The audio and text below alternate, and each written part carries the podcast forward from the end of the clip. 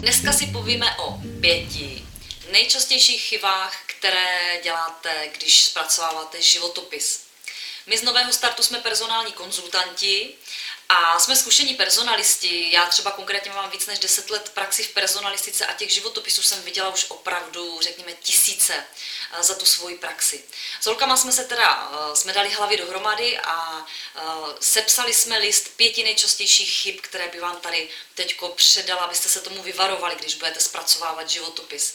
Jinak na našem webu můžete najít potom další informace o tom, co má životopis obsahovat. Je to v, v kolonce vlastně pro uchazeče, tam najdete potom složku životopis, máte tam i ukázky a na úvodce dole najdete online formuláře, že kdybyste si netroufali si sepsat svůj vlastní životopis, tak klidně můžete použít náš online formulář a ten životopis vám přijde v PDF k vám do mailu.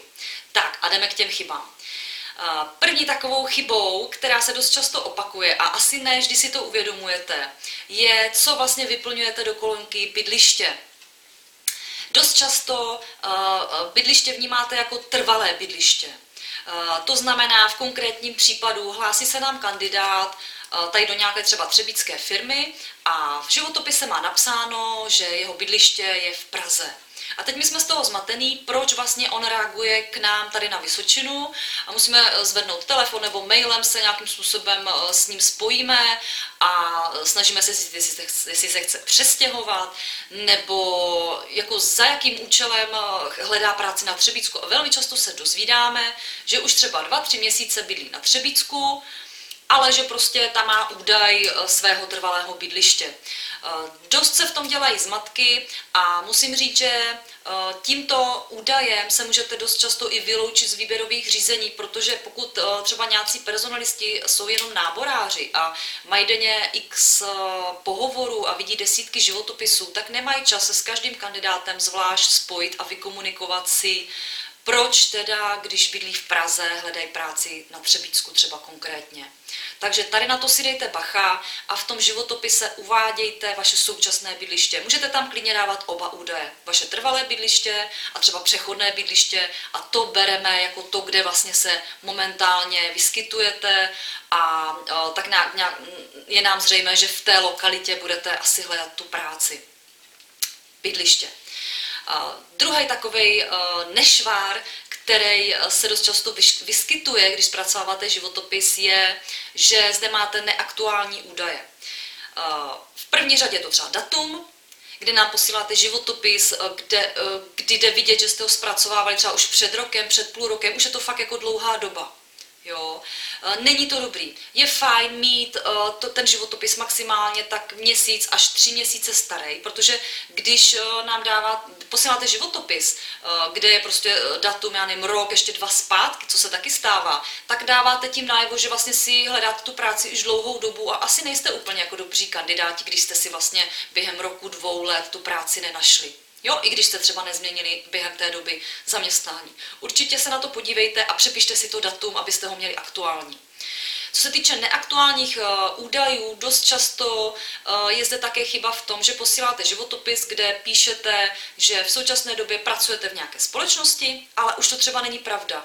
Jo, pak se s váma skontaktujeme, uh, buď po, te- po telefonu se třeba ještě ptáme na nějaké dotazy, nebo už vás máme potom konkrétně na osobním pohovoru a tam se dozvídáme, že e, vlastně pracujete už někde jinde a teď si to prostě musíme v tom životopise přepisovat a jako není to fakt, e, není to dobrý. Jo, ten životopis by měl být aktuální, to znamená, by měl e, vždy obsahovat aktuální informace.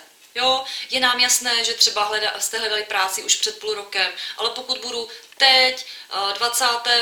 několikátého února 2018 posílat životopis, tak by tam mělo být aktuální datum a aktuální informace. Třetí nešvár je fotografie. My z nového startu jsme přesvědčeni, že je fajn mít na životopise fotku, i když samozřejmě názory se různí a můžete se mnou nesouhlasit, někdo to považuje za diskriminační údaj, který vám může jakoby e, pohoršit při výběrovém řízení. My si myslíme, že to tak není. Za naši dlouholetou praxi a s našima zkušenostma z práce s životopisama e, vnímáme fotku na životopise jako pozitivum, ale pozor, musí to být vhodná fotka. Takovým nešvárem dnešní doby jsou selfie fotečky, ty rozhodně na životopis nedávejte. Uvědomte si, že se hlásíte do nějaké práce, kde musíte ukázat, co ve vás je, týká se to vašich zkušeností, vašeho vzdělání. A jako taková fotka je fakt jako nevhodná, vyvarujte se toho, snažte se tu fotku ideálně, aby to byla jakoby profilovka, tak nějak, kdyby zabírala hlavu, třeba pod ty ramena, abyste tam byli vidět. Dost často uh, tam dáváte fotky, kde jste tam uh, nějaký malý trpajzlík vyfocený někde v přírodě. To je fotka taky úplně o ničem, a která nic o vás nevypovídá. Ta fotka tam slouží proto, abyste byli lépe jakoby vybavitelní tomu personalistovi. A opravdu to tak je. Jo. Já když mám životopis s fotkou a teď máme rozjeté nějaké výběrové řízení s tím člověkem, ho třeba posíláme do více firem a pracuji s ním několik měsíců, což je běžná praxe, tak eh, se vždycky podívám na ten životopis tou fotkou a hned se mě prostě vybaví všechno. Jo? Ale jakmile tam ta fotka není, tak během pár měsíců už začínám ztrácet informace o tom člověku. Protože personalisti většinou pracují s kvantem lidí.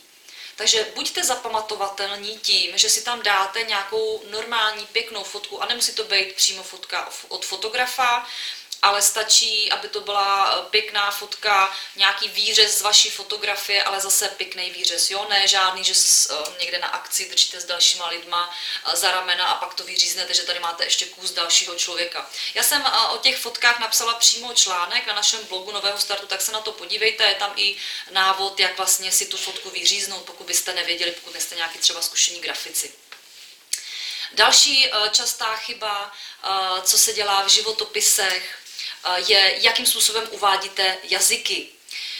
Velmi často uvádě, uvádíte jazyky, že umíte komunikativně, mírně pokročilé, středně pokročilé. Jsou v tom strašný zmatky. Speciálně na toto téma jsem natočila video, podívejte se na to.